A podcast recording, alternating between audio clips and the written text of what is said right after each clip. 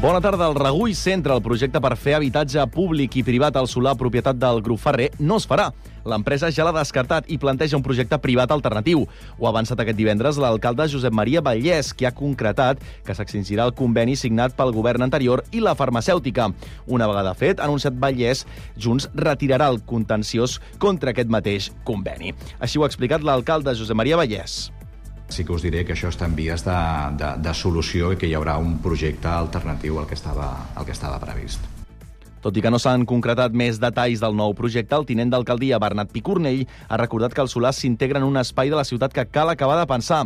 Es tracta de la zona industrial entre el final de l'Avinguda de Cerdanyola l'Avinguda de Roquetes i Can Magí, i la intenció és redefinir l'espai i aconseguir també habitatge és tot un espai en el que hem de pensar doncs, bé què és el que fem, no? És un espai en el que hi ha les fàbriques doncs, que fa no gaires anys quedaven lluny del centre de la ciutat, però que avui doncs, estan gairebé integrades diguem, eh, dintre del continu, bueno, gairebé integrades dintre del continu urbà, no, estan en el continu urbà de, de la ciutat i per tant hem de pensar eh, què és el que hem de fer doncs, en, en, en aquest espai, sempre tenir en compte eh, i crec que és una cosa doncs, que no oblidem amb tots els projectes que fem en aquesta eh, ciutat doncs, que d'alguna manera o altra hem d'aconseguir que anem tenint doncs, més vivendes doncs, de, de, de protecció eh, oficial.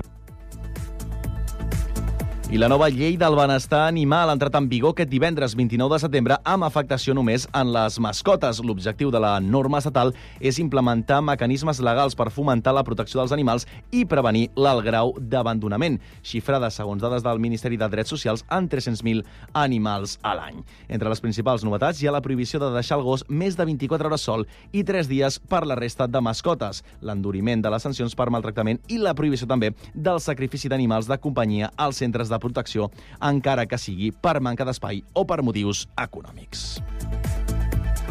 I la Setmana de la Gent Gran també retorna a Sant Cugat amb una desena de propostes que al llarg de sis dies omplirà d'oferta cultural i activitats de tota mena al municipi. Sota el lema eh, Compartim la vida i ens cuidem mútuament, s'hi han preparat diferents activitats com la popular Marxa de la Gent Gran o les Olimpíades entre casals i llardavis. I un últim apunt en clau d'esports, el DCB Club Voleibol Sant Cugat inicia la Lliga Iberdrola i ho fa rebent aquest dissabte a les 7 i quart la visita del Saire Canari al pavelló de Valldoeix. Les santcuatenques han completat una pretemporada brillant i bon inici del curs amb bon peu. És tot per ara. Més notícies, com sempre, d'aquí una hora, a la sintonia de Cugat Mèdia. Cugat Mèdia, la informació de referència a Sant Cugat. Alexa, abre Radio Sant Cugat. Bienvenido a Radio Sant Cugat Cugat Media. ¿Qué quieres escuchar? ¿Radio en directo o el último boletín? Cugat Media estrena skill per poder escoltar Ràdio Sant Cugat des d'Alexa. Per exemple, l'actualitat de Sant Cugat. Alexa, pide a Radio Sant Cugat el último boletín. Escuchando el último boletín de Radio Sant Cugat. Cugat.cat Notícies. I també la ràdio en directe. Alexa, pide a Radio Sant Cugat la ràdio en directo. Escuchando en directo Radio Sant Cugat. L'artista local defineix la situació com a dura perquè... Ràdio Sant Cugat Cugat Mèdia, 91.5 FM, www.cugat.cat i ara també a través d'Alexa. La ràdio que necessites, ara més a prop teu.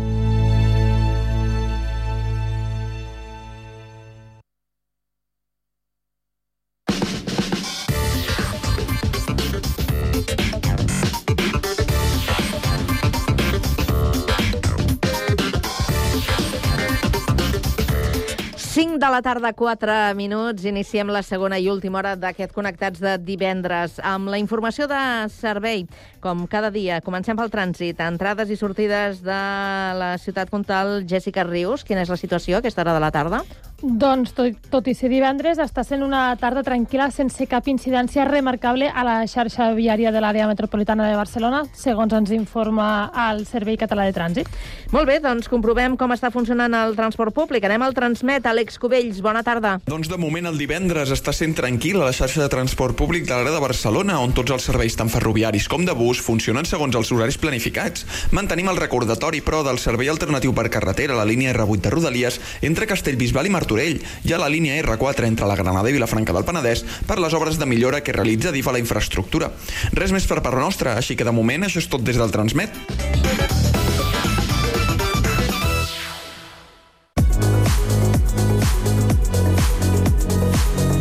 tarda, de 4 a 6, Connectats. Una experiència radiofònica a Sabadell, Terrassa, Sant Cugat, Castellà, El Prat i Badalona.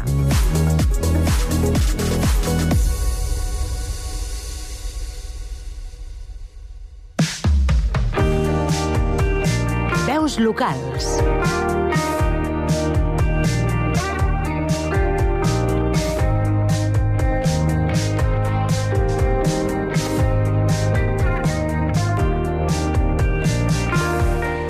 Dona, jove, artista i emprenedora valenta. Així és eh, Viena Boedo, que acaba d'obrir l'acadèmia L'Artisteria a Castellà del Vallès, que ha triomfat entre adults que tenen ganes de desconnectar a través dels tallers d'art i pintura.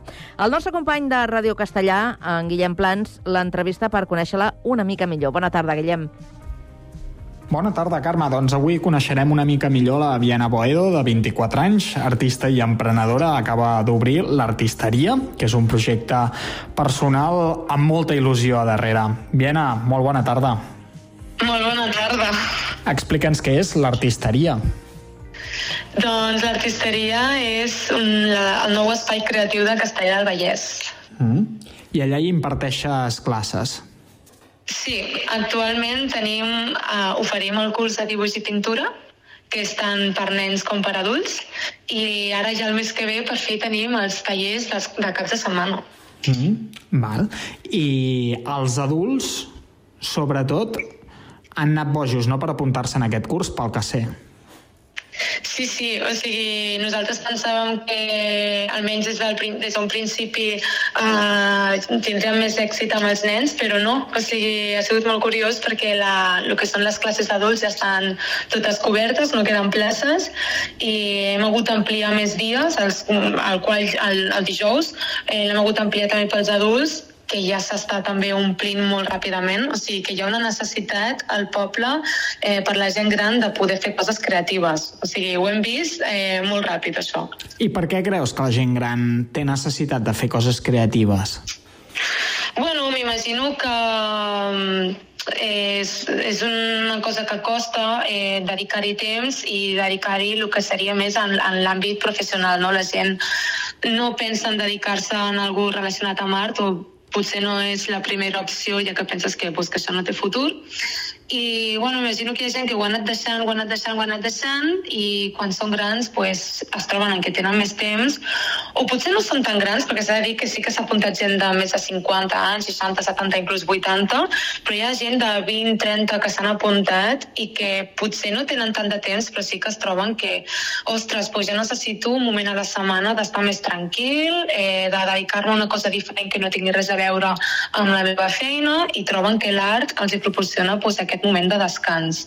El mòbil apartadet, no? Suposo. Exacte, totalment, totalment. Clar, és una manera de desconnectar totalment i passar una, sí. una hora ben distret. Exacte, sí, sí. Viena, hem començat explicant que avui teníem ganes de conèixer-te. Qui és Viena Boedo com a artista? Començarem. Qui és Viena Boedo com a artista? Ostres, eh, pregunta complicada, eh? Mira, la Viena Boedo com a artista eh, realment no, no ha existit fins fa ben poc, perquè fins fa ben poc no em creia que era artista. Vale? Sí que és veritat que sempre he pintat i des de ben petita he sigut molt creativa i sempre he creat coses amb el que fos, però creure en artista n'ha sigut des de fa poc.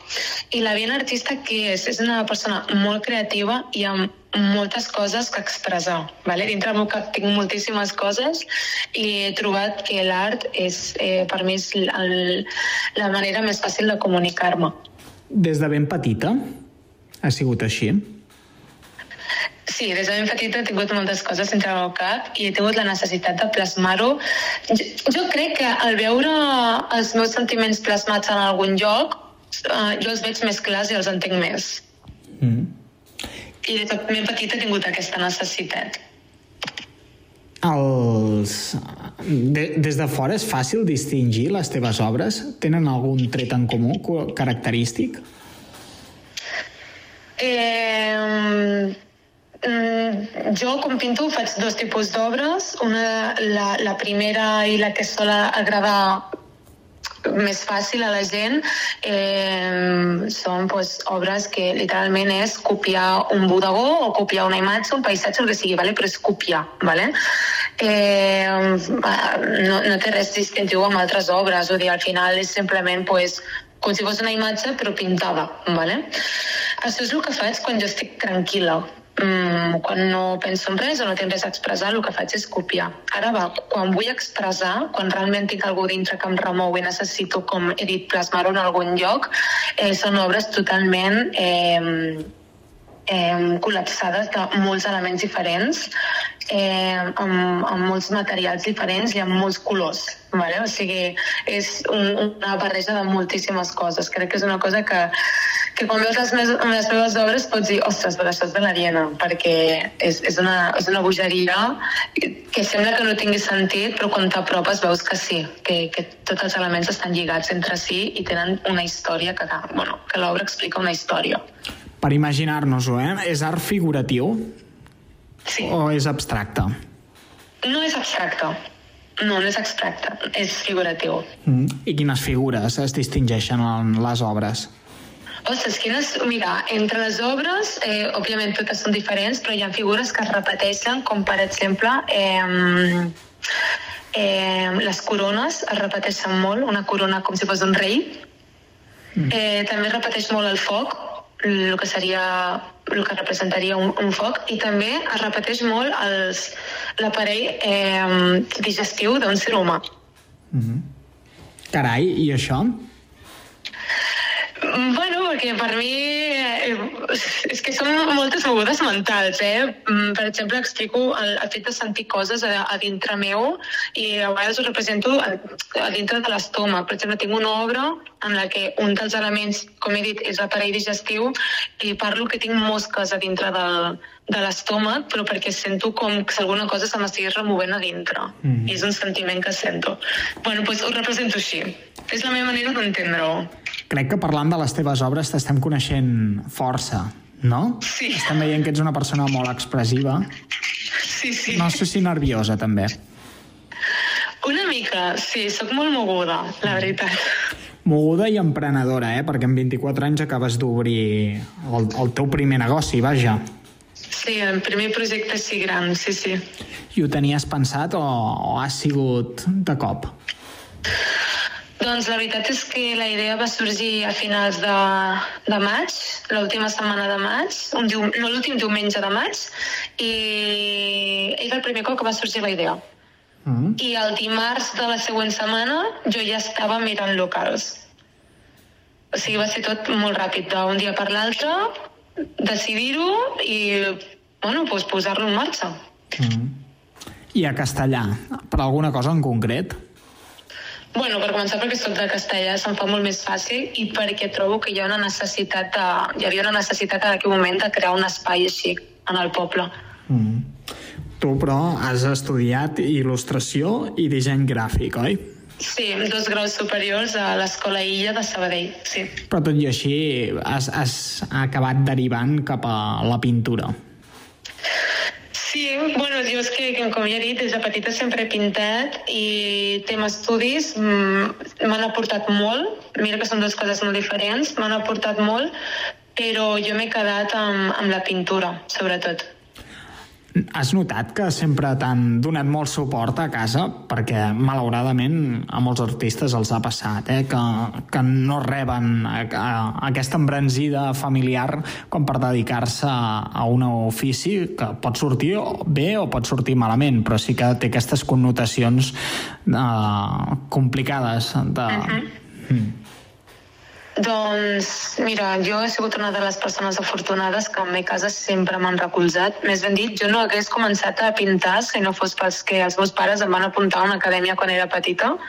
I sí, sí, tant per part dels meus pares com de la meva germana, eh, sempre m'han recolzat sempre i aquest projecte no hagués començat gràcies a ells, òbviament. O sigui, ells van ser, més ben dit, els que, els que em van donar la idea de, ei, no t'agradaria crear un espai i dir, ostres, doncs sí, Mm. Doncs sí, i des d'aquell mateix dia m'han recolzat fins ara.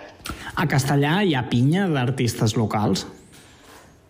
Hi ha molta pinya. Almenys actualment eh, jo m'he trobat en què hi ha un grup d'artistes molt xulo que estem fent coses molt xules, com per exemple per Festa Major vam estar pintant al carrer i també vam fer una fira d'art, que era el prim, la primera que es feia després de molts anys, i bueno, ja estem parlant de futurs projectes que encara no, no han sortit a la llum i no puc dir res, però s'estan preparant coses molt xules a Castellà, la veritat. Recorda'ns a l'artisteria quins tallers oferiu, quines tècniques s'hi poden aprendre. Doncs mira, a part de, de, com ja he dit, el curs de dibuix i pintura, que és de dilluns a divendres, eh, pel mes que ve eh, obrim els primers tallers que farem aquí a l'artisteria. El primer és de, de gravat, de gravat en linòleum, que es farà el dissabte 21 de 10 a 12 i mitja, amb esmorzar inclòs i serà molt xulo i molt divertit. I pel dissabte 28 a la mateixa hora farem de joieria artesanal. Carai, són altres àmbits, Sí. eh?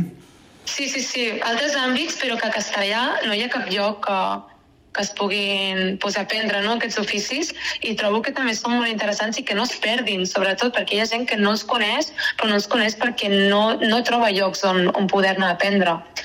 I són oficis que, que s'estan perdent. Mm -hmm. Us podem trobar al carrer de l'Església número 2, al local 3 i a les xarxes socials. A les xarxes socials, doncs, a, l'Instagram, que es diu l'artisteria. Viana, ha sigut un plaer conèixer-te com a artista, com a persona, com a emprenedora també, i abans d'acabar ens agradaria posar una cançó. Una cançó, no sé si no utilitzes alguna en concret per inspirar-te i pintar? Sí, ja tinc una que des d'allà fa molts anys que m'acompanya i sempre que pinto, sobretot quan em vull expressar, com he dit, eh, està a la meva llista de, de cançons. Doncs si ens la vols dir, Eh. la buscarem molt ràpidament i la posarem. Doncs mira, el grup es diu The Neighborhood Mm? i la cançó es diu To Read My Youth. Doncs ara farem la feina i, i començarà a sonar, d'acord, Viana? Vale, doncs moltes gràcies. Gràcies a tu per obrir-nos les portes des de la distància a l'artisteria, un molt bon lloc. I moltes gràcies a tu també, Carme. Bona tarda. Gràcies, Guillem, i l'enhorabona a la nostra convidada d'avui per aquesta iniciativa.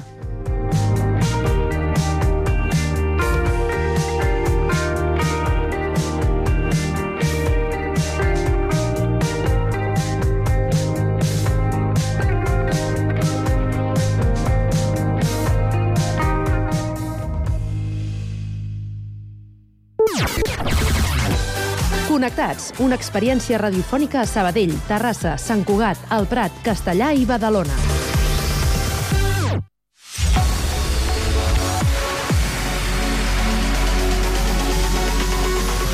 Connectats a les xarxes. Efectivament, arriba el moment del repàs setmanal a allò que ha destacat, eh, que ha creat eh, tendència, a, vaja, el que ha estat més viral a les eh, xarxes socials. Com sabeu, un espai que aquesta temporada comanda la Jessica Rius. Bona tarda.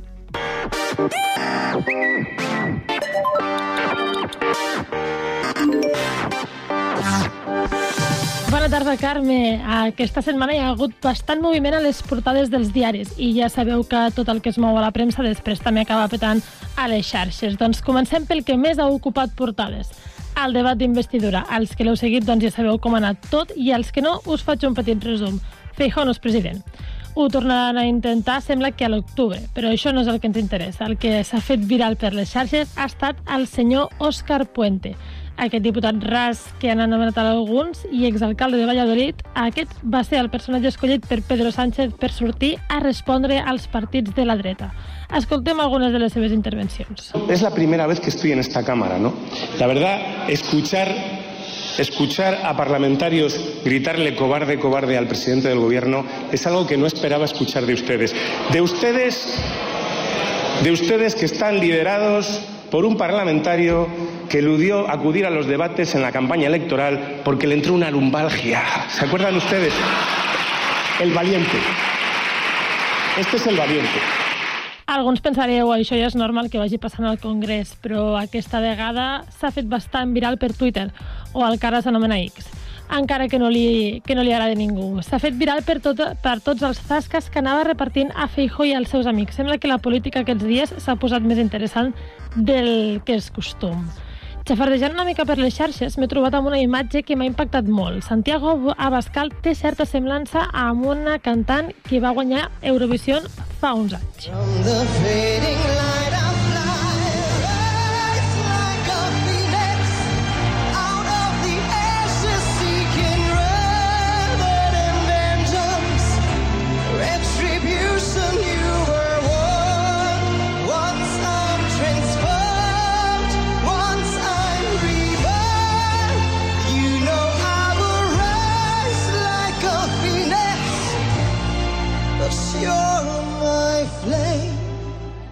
No sé si algú ha conegut la cançó o la cantant, però és Conchita Wurst. Pels qui no la tingueu molt vista, és una cantant que porta barba llargueta i és d'Àustria. Es va presentar a Eurovision el 2014 i va guanyar el certamen aquell any amb aquest Rise Like a Phoenix. Però bé, el que ens interessa, Santiago Abascal, el líder de Vox, és clavat a Conchita Wurst. La piulada de Twitter deia que la cantant era Abascal, però amb purpurina. No sé jo si li farà gaire gràcia semblar-se a una cantant trans. Ja, ja fa unes setmanes que ha començat la Lliga de Futbol, per, per tant, cada dia de partit les xarxes bullen de comentaris, insults i llestos que es creuen ser entesos de futbol. Però aquesta setmana les xarxes bullen perquè tanquem la setmana amb un nou líder a primera. Un líder no molt habitual. Ficaria la mà al foc que ni els propis jugadors ni aficionats s'esperaven estar allà dalt. Aquest equip és el Girona. No és novetat que el seu entrenador, Mitchell, aixeca passions entre els gironins, ni tampoc és novetat que l'eufòria et porta a cantar coses estranyes. Doncs dimecres els aficionats que es van desplaçar fins a Vilareal per veure el partit del Girona li cantaven això a Mitchell.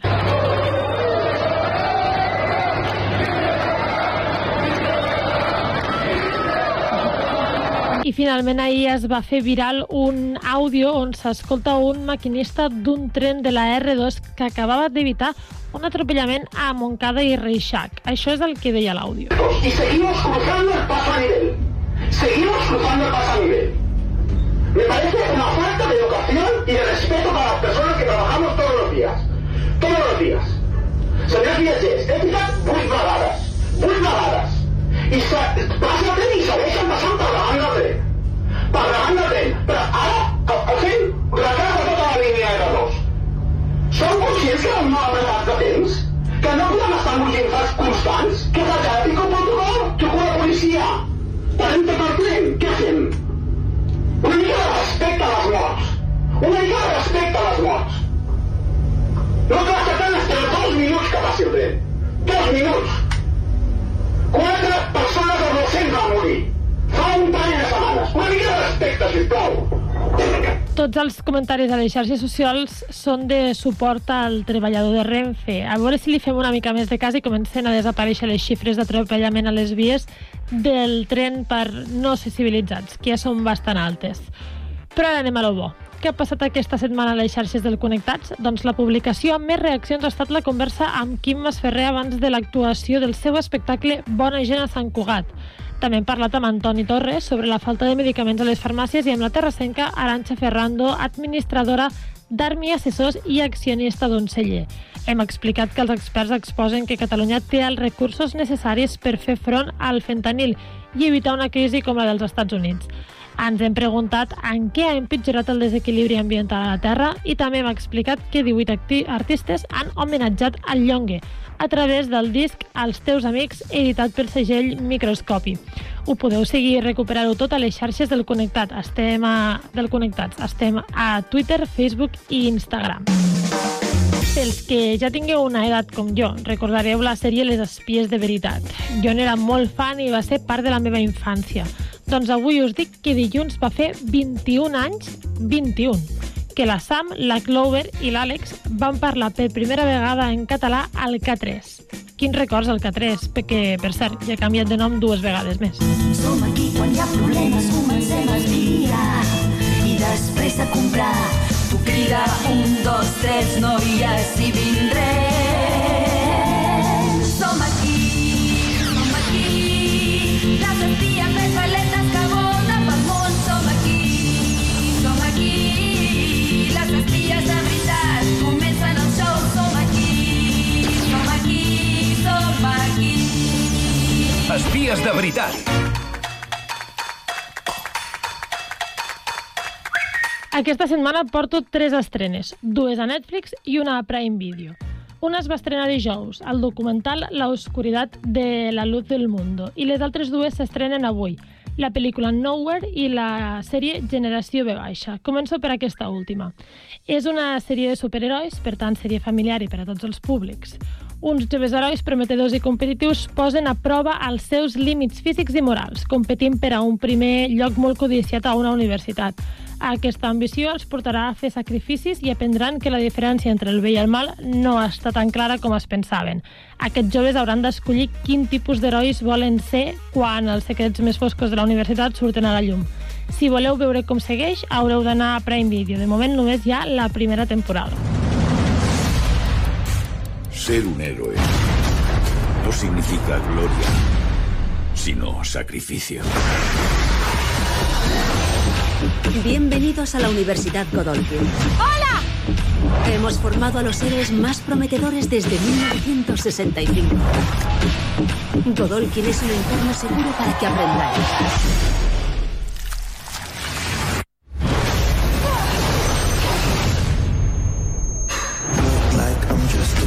Marie Moreau podría ser la primera novata que lidera el ranking. Dirá la primera negra que entra en los sitios. Pero estás en el punto de mira. Vamos a salir del campus. Hay que divertirnos.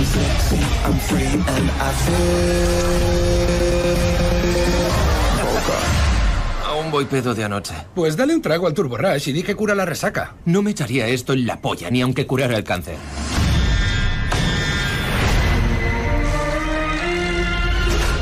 Esa facultad hay gente chula y peligrosa.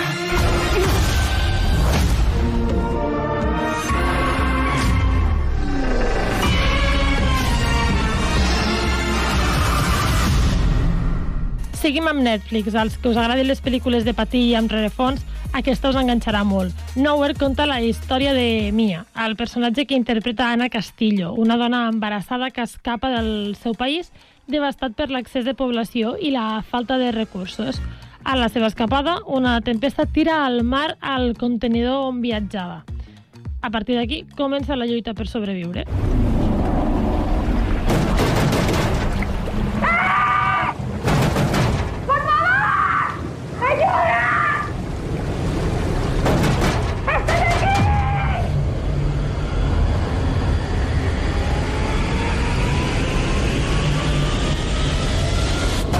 I finalment també us porto l'estrena del documental La oscuridad de la luz del mundo. Per primera vegada s'escolta el testimoni de les dones que van denunciar a les autoritats dels Estats Units els abusos que van patir per part de Nason Joaquín García, líder de l'Església de la Llum del Món.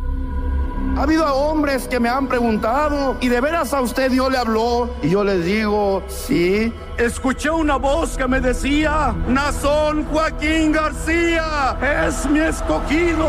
Jamás me imaginé que en el lugar donde yo me sentía más segura era donde me iban a pasar las cosas más aterradoras.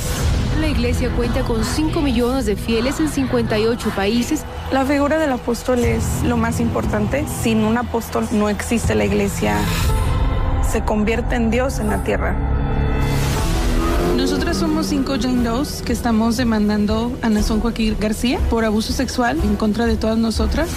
El líder de la Iglesia Cristiana La Luz del Mundo fue detenido en California acusado de violación de menores y pornografía infantil, entre otros delitos. Creemos que de ninguna manera significa que él haya cometido ninguno de esos delitos.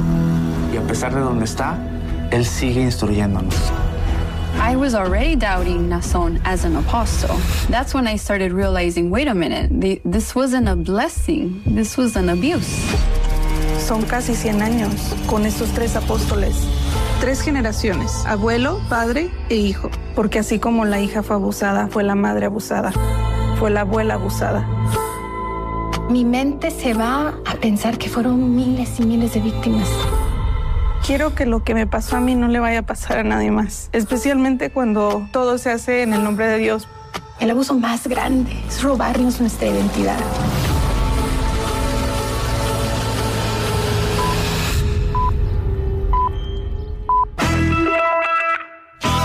Aquesta setmana acabem la secció amb l'estrena de l'àlbum d'Aitana, Alfa, i amb la cançó d'Ararí.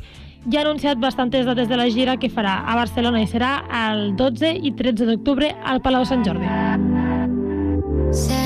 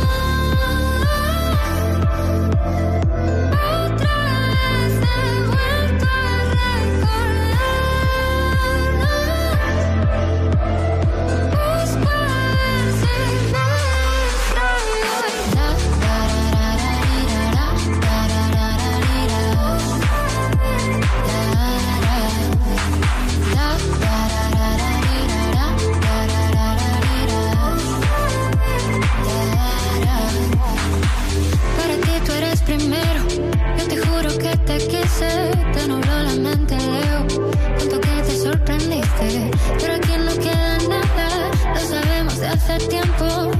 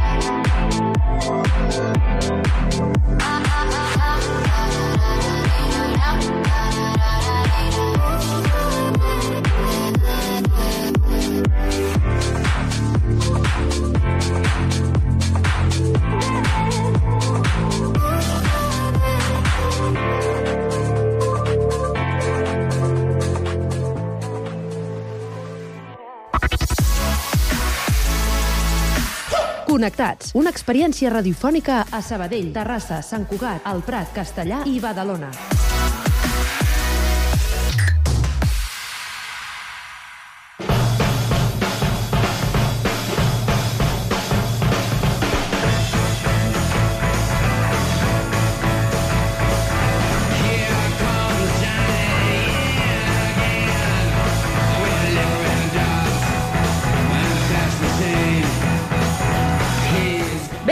Abans d'acabar fem un repàs a les estrenes de la cartellera del cap de setmana. Com cada divendres ho fem amb el periodista Jordi Guillem i el seu company Sergi Estapé. Bona tarda.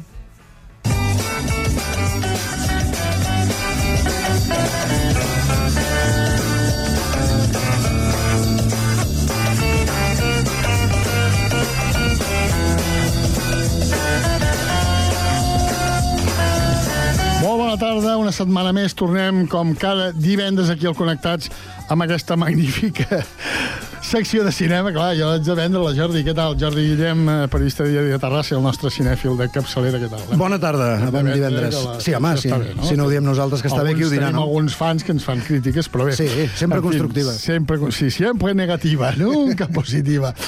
Escolta'm una cosa, aquesta setmana què tal? Com ho tenim? Hi ha, Déu-n'hi-do, no? Hi ha Déu-n'hi-do. bastanta, bastanta coseta i, com sempre, començarem analitzant algunes de les que, pel·lícules que s'estrenen avui, concretament 5, i començarem amb un drama eh, fet a Espanya, que es diu Cerrar los ojos. No és, o sigui, teníem Abre los ojos i ara, I ara és Cerrar los ojos. Cerrar No, los ojos. no tenen res a veure, eh? Si Abre los ojos era una pel·li d'intriga i de suspens i tot això, uh, aquesta, Cerrar los ojos, és una pel·lícula dirigida per Víctor Erice, que és un senyor que fa molts anys que no rodava res, de fet, eh, en tota la seva carrera ha fet tres pel·lícules, uh, El sol del Feia membrillo era l'última, sí, havia, havia fet algun curtmetratge, alguna col·laboració en pel·lícules corals, però no, no, havia, no havia fet res. Uh, però, uh, per exemple, el recordareu de El Sur, aquella gran pel·lícula, uh, també això, El sol del membrillo i moltes altres. Uh, es tracta d'una pel·lícula que era una de les candidates a anar als Òscar. Finalment sabeu que la que hi va anar, la que va escollir l'Acadèmia per anar-hi, vaja, va ser uh, la pel·lícula de J. Bayona, La Sociedad de la Nieve, però aquesta, juntament amb 20.000 especies de abejas, era una altra de les candidates. Uh, Volver Uh, cer perdó, Volver no, Cerrar los ojos. És una pel·lícula que et dura, ja us avanço, 169 minuts, per tant, paciència. Mm, veurem quina distribució té, perquè és una pel·lícula així més aviat d'autor.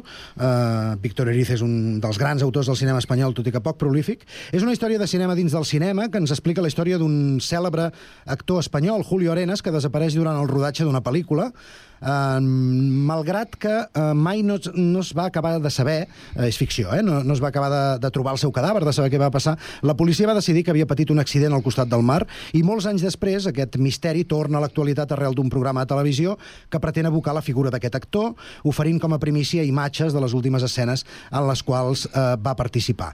Uh, la pel·lícula té un elenc espectacular, Manolo Solo, un actor que tu i a mi crec que coincidim que ens agrada, un etern secundari del cinema espanyol, que aquí té un protagonisme important, al costat de José Coronado, Ana Torrent, que ja sortia a l'Espíritu de la Colmena, Sí. la primera pel·lícula d'Erice, Maria León, Soledad Villamil, que és una de les grans actrius eh, argentines, Petra Martínez, Mario Pardo i també el català Josep Maria Pou. És una pel·lícula que... Gran. Sí, sí, sí. Escolta, Vols, vols escoltar un tros? Va. Sí, sentim-la, sentim-la. Escoltem un tros, va. Se llamaba Julio Arenas y era actor. Uno de los más admirados y queridos del cine español.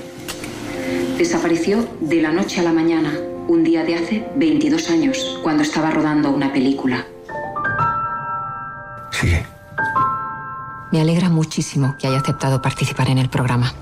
Nos costó Dios y ayuda a encontrarle hasta que supimos que ya no... Doncs aquest Cerrar los ojos, amb el qual comencem el repàs a les cinc pel·lícules que el Jordi ens destaca. El número dos seria, eh, no sé si no sé què vol dir això, Estols, un drama Estols fet... és quan els ocells s'ajunten i fan Ah, val, un estol d'ocells. Tens una gran eh, cultura eh, ocellaire, jo no. Eh, què què m'expliques? Va, eh, És una pel·lícula molt petita, tan petita que només la podreu veure al cinema Maldà de Barcelona a partir Ah. d'aquest divendres i, òbviament, tot el cap de setmana.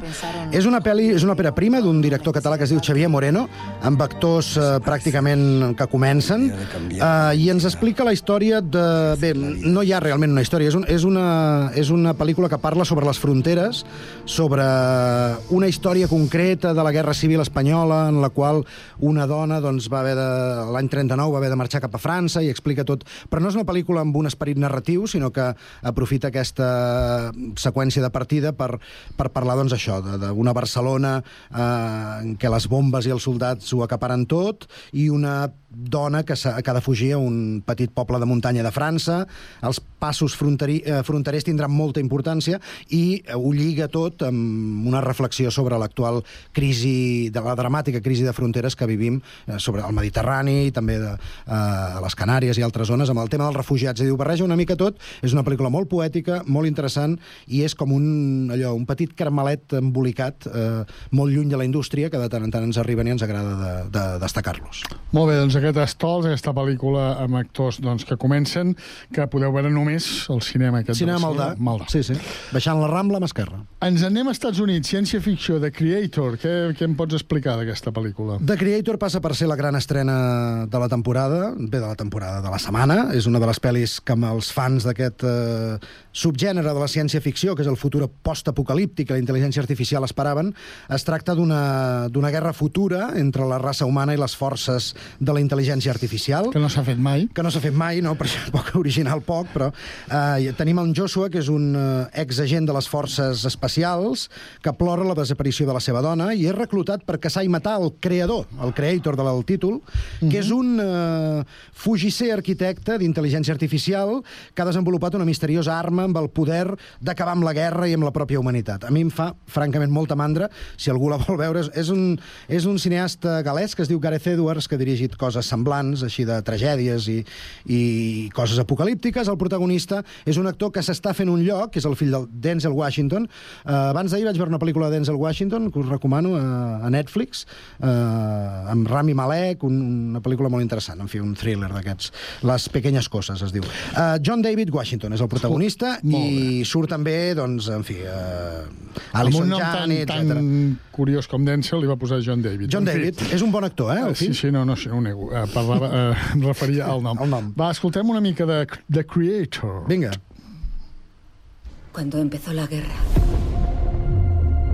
ellos me protegieron. Me cuidaron mejor que ningún humano. No son personas, Maya.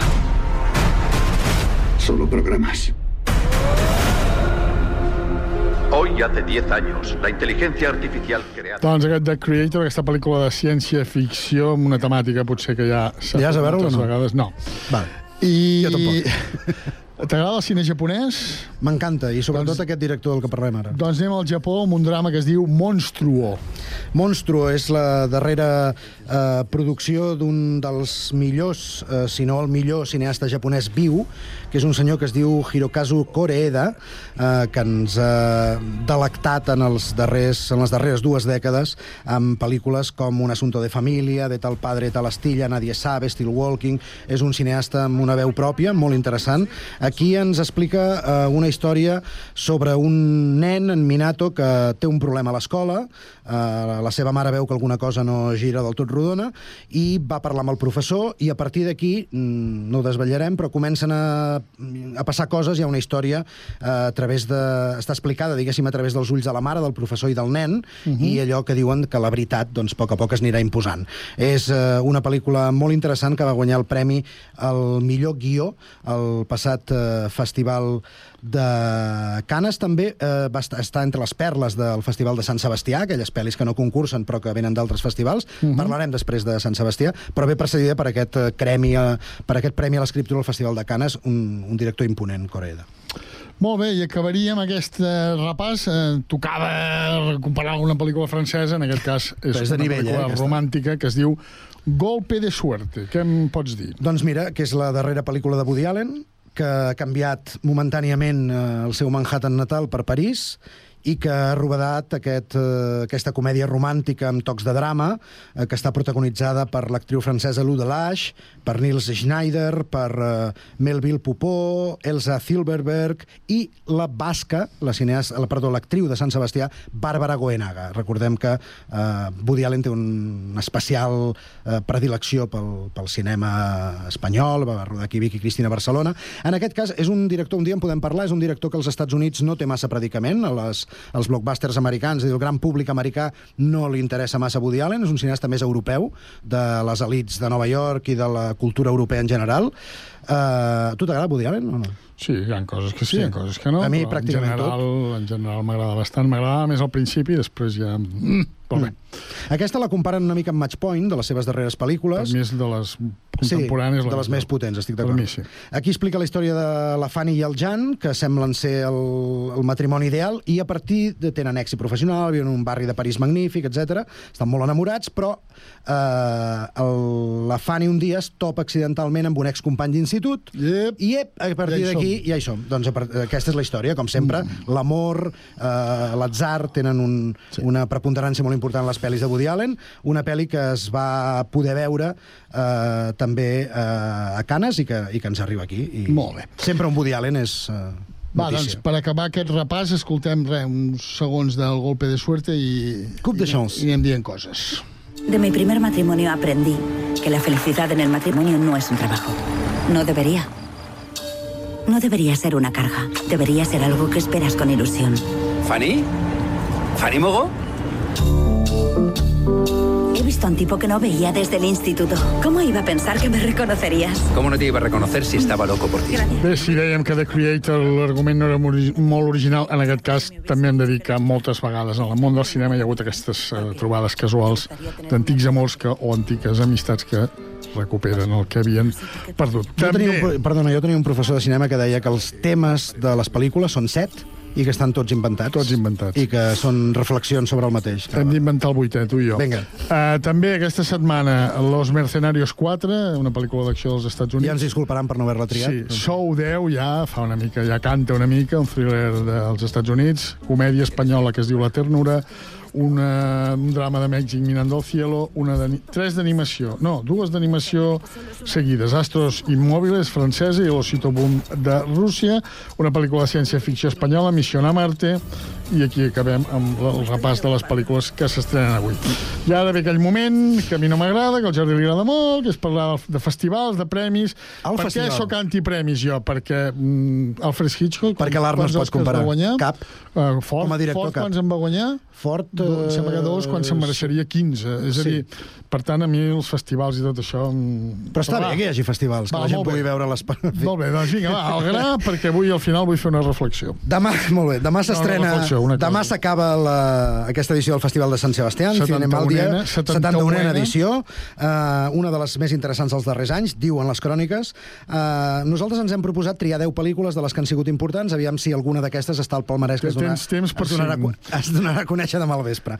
Uh, la zona d'interès de Jonathan Glazer és uh, una pel·li molt interessant Si que... les analitzes totes no podem no, no, les deu, no, eh? no les analitzo, les dic i ja està. Va estar a Canes, aquí la trobem. Una pel·lícula de Hayao Miyazaki, eh, d'animació, El Chico i la Garza. Miyazaki s'havia dit que es retirava, mm, en aquest cas, com que li dona el Premi Fa- fa un Donosti. petit homenatge, no? Li fan un petit homenatge i, en fi. Jessica Chastain també ha estat al festival, eh, entre d'altres actors i actrius espanyoles. Uh, Anatomia d'una caïda, la pel·lícula que va guanyar Cannes, recordeu, de Justin Triet, uh, una història d'un assassinat, una pel·lícula d'així de, de judicis. La Societat de la Nieve, es, es va poder veure al Ja vam festival. parlar ja en vam passar, a la parlar que- de J. Bayona, la pel·li que, que basada en la, la tragèdia, la tragèdia Viven, dels Andes, que, que s'estrena a Netflix a final d'any i representarà Espanya als Òscar. També es va poder veure de Matteo Garrone i O Capitano, el director de Gomorra, que va triomfar a Venècia amb aquesta pel·lícula i que arriba aquí a Sant Sebastià. També tenim Secretos de un escàndalo, la pel·li de Todd Haynes, un dels grans directors moderns que després de Carol i Lejos del Cielo eh, torna aquí per oferir-nos la seva sempre inquietant manera d'explicar les pel·lícules. Eh, més cinema japonès, en aquest cas eh, Evil Does Not Exist, eh, El, El Diable, Diable no no existeix. Existeix, d'una pel·lícula de Ryusuke Hamaguchi, que Mhm. també ha tingut molt bones crítiques i es pot disfrutar a Sant Sebastián. Un altre cineasta dels habituals, Aki Kaurismäki, el finlandès, amb Fallen Leaves, també eh, The Royal Hotel, que és una de les candidates, atenció, a, al Premi, una pel·lícula de Kitty Green, la directora australiana que va venir a presentar-la. És una història sobre eh, el feminisme, sobre l'assetjament sexual que pateixen dues turistes australianes que van a un petit... Eh, a un, perdó, dues turistes eh, irlandeses que van a un petit poble australià. Eh, I surt aquí la- l'actriu, la, Ruth, si recordeu, d'aquella sèrie D'Ozark. eh, exacte. Que ara està anunciant cafès. Que ara, exacte, doncs si veieu l'anunci George del, del George Clooney, la noia que hi ha al costat és la protagonista, La que està esplèndida. I acabem amb una pel·lícula del meu admirat Wim Wenders, que es diu Perfect Days, que també va presentar en aquesta edició. També destacar la pel·lícula d'Isabel Coixet, una pel·lícula d'amor que té una, un recorregut molt important. Ja bé. tallant per tenir a casa. No, no, vaig tallant, però molt bé, està molt bé tot això. Demà, dius demà, es diu? Demà al vespre, sí, de cap a quarts de deu, tant, els TV2, interessats- podeu veure la Exacte, clausura. els interessats podeu eh, mirar-ho i ja està. Eh, escolta'm una cosa, marxarem. Aviam. Recordant que avui faria 102 anys l'actriu escocesa Deborah Kerr. Home. Magnífica Sí, actriu, no sempre ben valorada, va néixer el 30 de setembre de 1921, va morir amb 86 anys a 2007, la recordareu a pel·lícules mítiques com De aquí a l'eternitat, també altres com Cuo Vadis, La noche de la iguana, Ivanhoe, Mesas separades, El prisionero de Zenda, Les mines del rei Salomón, i marxarem amb una pel·lícula una mica catxupinada, una paròdia de James Bond, que és Casino Royale, de 1967, que dirigien molts actors, entre, ai, directors, entre el John Huston I apareixia Woody Allen. Sí, sortien Pete Sellers, Woody Allen, Ursula Andress, Orson Welles, Charles Boyer i la magnífica Deborah Kerr.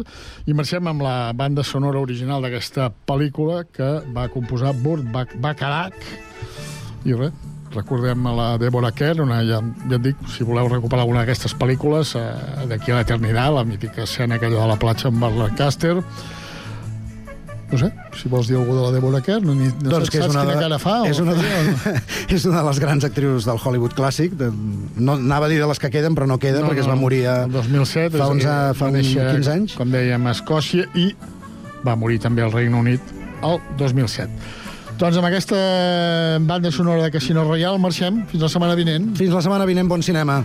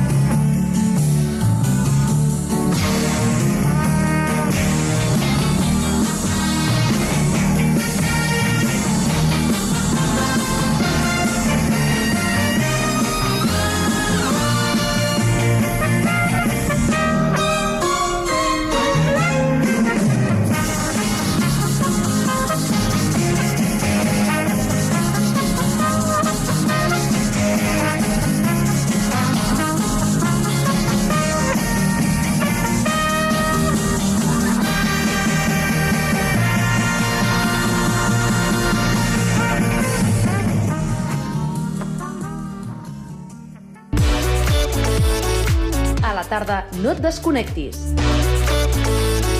Connectats. It's Friday then, it's Saturday, Sunday.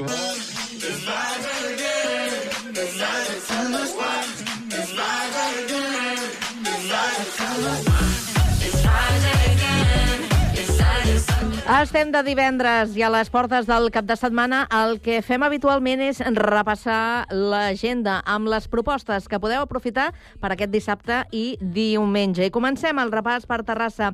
Sergi Estapé, bona tarda de nou. Bona tarda a Terrassa, demà dissabte, i a partir de les 8 del vespre a la Factoria Cultural, homenatge a Pau Casals amb el concert d'Aranjuez i la Sinfonia del Nou Món a càrrec de Milos Karadaglik i la Franz Schubert Filharmonia.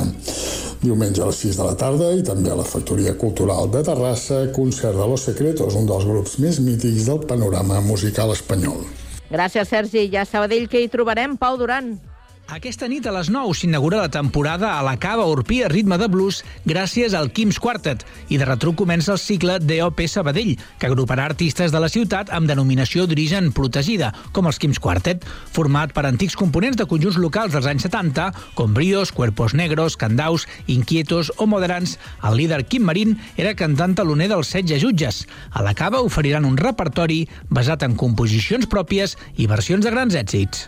Gràcies, Pau. És el torn ara per al més destacat de l'agenda de Badalona. Andrea Romera, bona tarda de nou. Bona tarda de nou, Carme. Aquest dissabte al Teatre Blas Infante, a dos quarts de cinc i set del vespre, arriba a Badalona el musical El Gran Torneo Entre Magos. El millor tribut musical a la banda sonora de Harry Potter, un gran espectacle amb els millors efectes especials. I més tard, a les 8 del vespre, però al Teatre Zorrilla, la companyia Tiziana presenta Buo, una recerca interior per la memòria, els records i, en definitiva, la identitat de Pablo, un antropòleg forense especialitzat en jaciments paleolítics que pateix un ictus que li provoca una amnèsia greu. I tanquem el dissabte a dos quarts de deu de la nit a la plaça de la Constitució amb el Ball de Diables de Badalona, que a motiu de la celebració del 40è aniversari organitza la segona carretillada. Gràcies, Andrea. Continuem el repàs ara amb les activitats del Prat de Llobregat. Víctor Asensio, bona tarda. Bona tarda. Les aus seran les protagonistes diumenge en la celebració del Dia Mundial dels Ocells. Els espais naturals del riu s'ompliran d'activitats gratuïtes relacionades amb aquests animals amb què tota la família podrà descobrir els valors naturals d'aquests espais i la importància de la fauna que hi habita.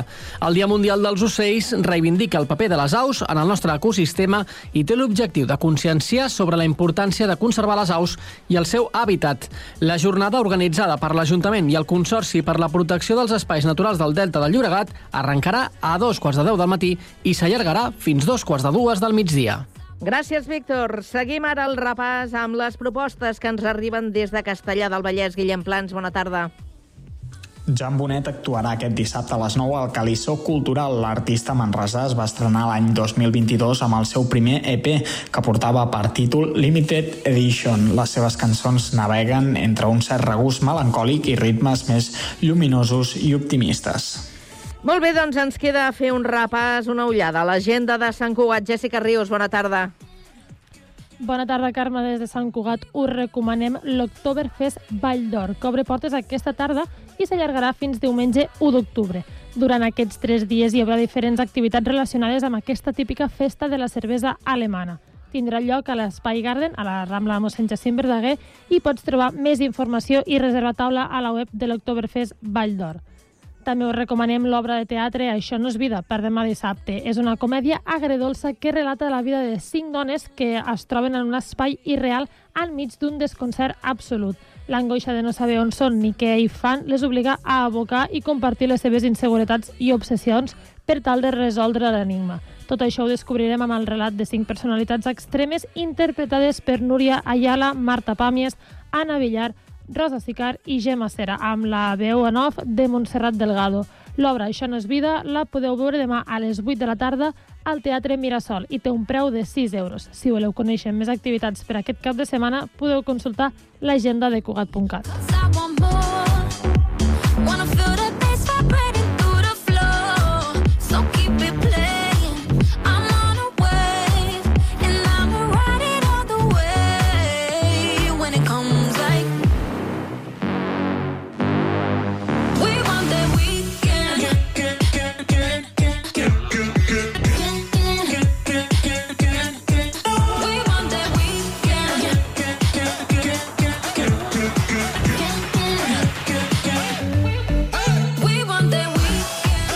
Aquí s'acaba la història d'aquest Connectats de divendres. Tanquem una nova setmana i ens en retrobarem dilluns. Serà el moment d'estrenar el mes d'octubre i també estrenar nou horari. Arribarem una miqueta abans, a partir de les 4 i 3 minuts. Si ens voleu acompanyar, ja sabeu, recordeu, 4 i 3 minuts. Tornarà el Connectats dia 2 d'octubre, dilluns. Mentrestant, aprofiteu i que passeu un molt bon cap de setmana. Adéu-siau.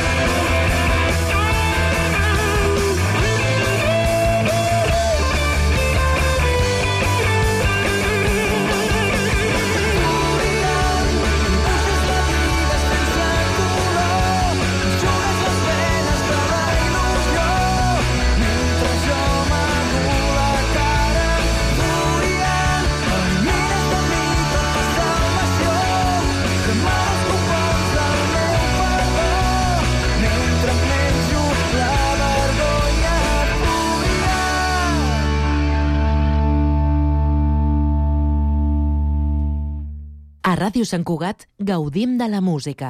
Gaudeix-la amb nosaltres.